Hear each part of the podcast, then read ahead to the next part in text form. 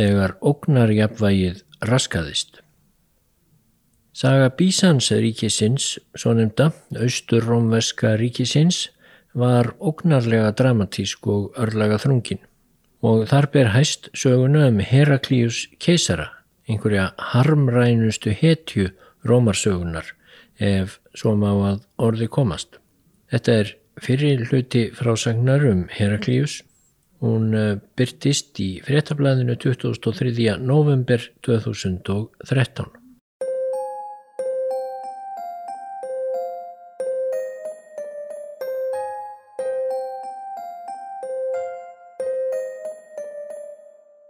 Það er ekki gott að segja hvernig maður velur sér þau tímabil í sögunni sem maður gerir svo að sínum sérstöku áhuga málum. Prívat og persónlega þá lendi ég snemma í Rómaveldi hinnu forna og undi þar síðan lengi og geri enn en ég man ekki fyrir mitt litla líf hvers vegna.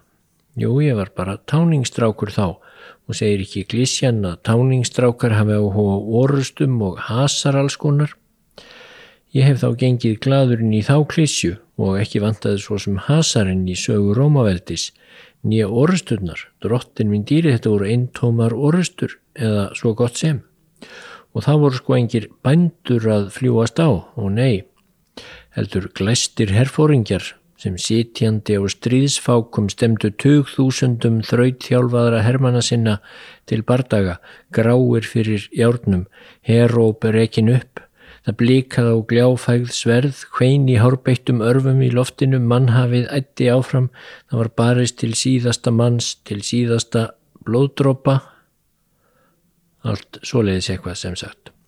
Í þá daga leiti ég ekki svo mjög hugana því hvaða anskot hans rétt herfóringjarnir höfðu til að hætta lífi dáta sinna, oftast af heldur fáfengilegum, hegumlegum ástæðum, valdagræðki, peningagræðki, heiðurskræðki, sem sagt aðalega græðki. En táningstrákurinn ég taldi einhvern veginn sjálfsagt að heia allar þessar orustur og ég taldi það meira að segja ljóð á ráði herfóringjana sumra ef þeir híkuð við að halda alminlegan slag. Svo þróskast maður eitthvað og hættir að telja allt þetta blóðbað eðlilegan hlut en eftir stendur að saga Rómar er samt sem áður svo sneisa full af dramatík og merkilegum viðburðum á alla kanta að ég fæ enn ekki hamið mig ef ég rekst í bókabúð á gyrnilega bókum Rómarsögu, þá náttúrulega verði ég að skoða hann að minnstakosti. En þánga til fyrir ekkert svo mörgum árum, þá leti ég alltaf staðarnumið við ártalið 476 eftir Krist, þegar síðasti keisarin í vestri, stráklingurinn Rómulus Augustulus, var rakinn úr embætti í borginni Ravenna á norður Ítalíu og vestari hluti Rómaveldis var þar með endanlega fallin í hendur villimanna svo kallaðara. Þóttur raunar sé að svo saga miklu floknari en það. En í austri livði áfram svo kallaður Rómaveldi austur-rómverska ríkið, oftast kallað Bísans af sagfræðingum nútímans. Þar var höfuðborgin Konstantín Opel sem norrænir menn tóku setna að kalla Miklagarð. Sagan af Bísans vakti lengi vel aldrei neitt sérstakann áhuga hjá mér. Hún var eins og eftirþangi við hinn að raunverulegu sögu Rómaveldis og Bísans ríkið lítið annað en blindgata þar sem púðraðar pempíur fóru um í guldskikkjum og þrefuðu um innantóma guðfræði til að drepast ekki alveg úr leiðindum örlögin, dramatíkin, hinn mikli sláttur sögunar viðs fjari, eða þetta held ég. Hinn síðar ár hef ég svo skipt um skoðun, ef einhver staðar er dramatík í sögu Rómaveldis, þá er það nefnilega í sögu Bísansveldisins. Og hverki er svo dramatík dýpri en í henni mögnuðu sögu um Heraklíus.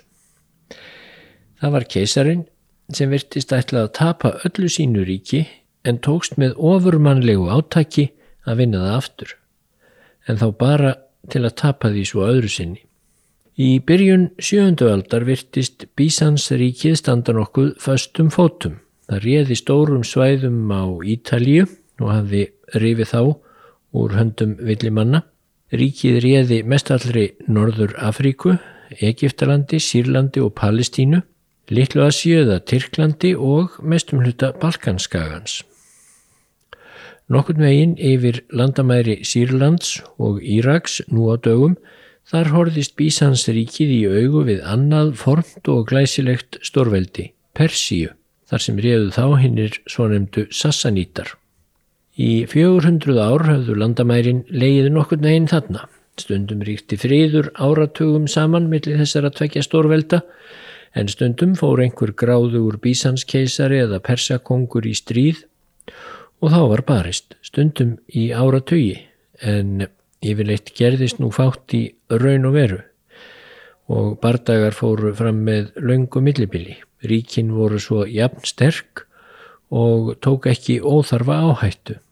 Þetta jafnvægi virtist því geta ríkt í mörg hundruð ára enn og sveimir þá, kannski væri það jafnvel ennþá við líði og Persaveldi og Bísansríkið stæðu ennþá hvort anspænis öðru í miðausturlöndum ef ekki hefði nokkuð óvænt gerst.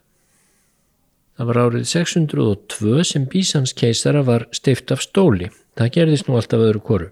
Þessi keisari hétt Mauritius og var dugmikill herfóringi en hann hafði reynst allt of strangur við dátanna sína á Balkanskaga svo þeir gerðu uppreist gegn honum, drápan og settu einn úr sínum röðum í hans stað.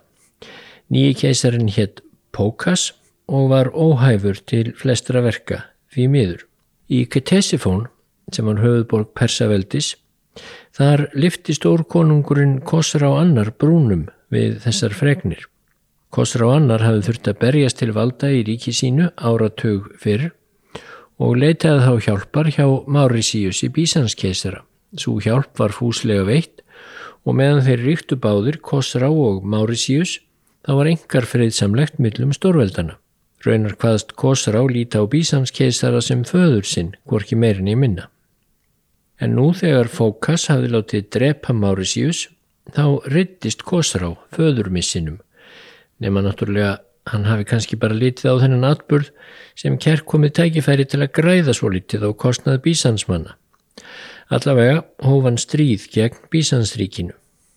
Nú undir venjulegum kringumstæðum hefði það ekki þýtt neitt sérstakt. Jú, slatti af óbreytum alþýðustrákum hefði tínt lífi, annað stórveldið hefði farið rænandi og rupplandi um landamæra héruð hins, en svo hefði það endingu verið samin friður, ógnarjapvægið komist á aftur og stórveldin haldið áfram að horfast í augu. En í þetta sinn fór allt úrskeiði sjá bísansmönnum. Það var ekki logið upp á fókas, á nokkrum árum fóru bísansmenn mjög halloka fyrir persum.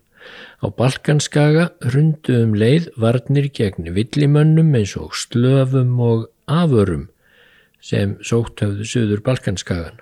Það var sem sé allt í voli og innanlands líka.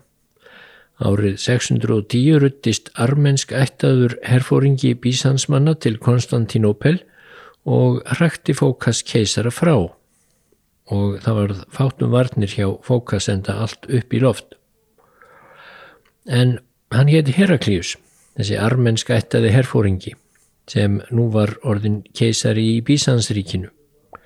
Hann var hálf færtugur eða þarum bil, það hafði ekki farið miklum sögum af honum áður, en nú létt hann draga hinn fallna fókas fyrir sig og öskraði á hann, svo þar þá svona sem þú hefur stjórnað ríkinu rævillin Ætli þú verður nokkuð skári, hvæsti fókas, og þá reyttist Heraklíus svo mjög að hann réðist að fyrirrennar sínum og drap hann eigin hendi og eru fádæmi um það í sögunni, jafnvel í henni blóðugu rómarsögu, að einn keisari hafi komist til valda með því að bana sjálfur þeim sem fyrir var.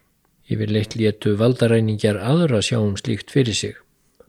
En Heraklíus vílaði sem sagt ekki fyrir sér að sjá um það sjálfur. Fyrstu ár Heraklíusar í ennbætti keisara virtust hins vegar ekki benda til þess að hann hefði neitt sérstakt bein í nefinu. Hersveitir hans snerust gegn eh, sveitum Kossarás en eh, réðu engan vegin við þær. Það bætti ekki úr skák þegar gýðingar í ríki Heraklíusar gerðu uppreist gegn honum í Palestínu og hjálpuðu Persum að leggja undir sig fyrst Sýrland og svo Palestínu sjálfa.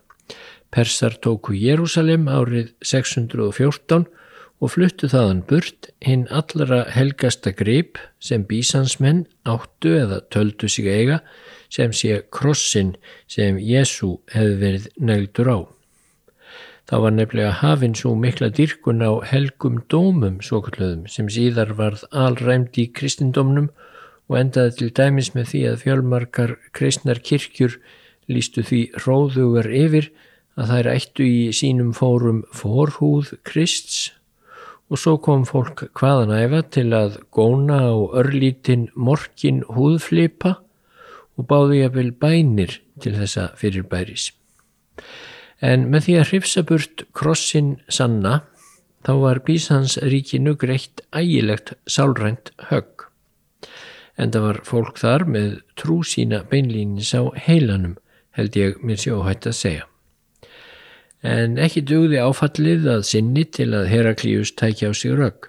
Hann virtist alveg heillum horfin ennum sinn. Á Balkanskaga fóru bísansmenn líka ragfarir og Egiptaland fjall í hendur Persa um 618. Allt var að hruni komið. Persneskur herr var komin næri því að borgarmúrum Konstantinopel og ætli fókas hafi ekki hleyið í gröfsinni.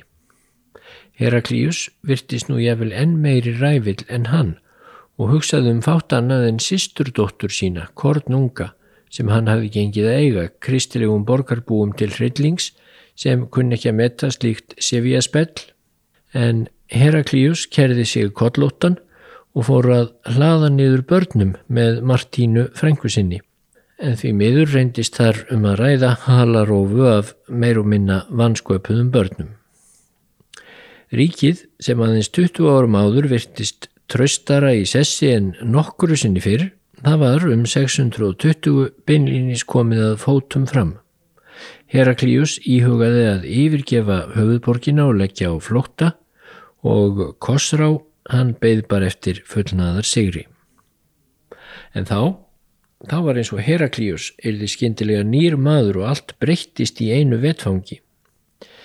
Það eru dramatískar sviftingar eins og þær sem nú fóru í hönd sem valda því að piltkornið sem fyrir á árum taldi bísansögu lítmerkilega situr nú á efri árum og lesa allt um þetta áfergjulega gapandi yfir öllum þessum örlögum.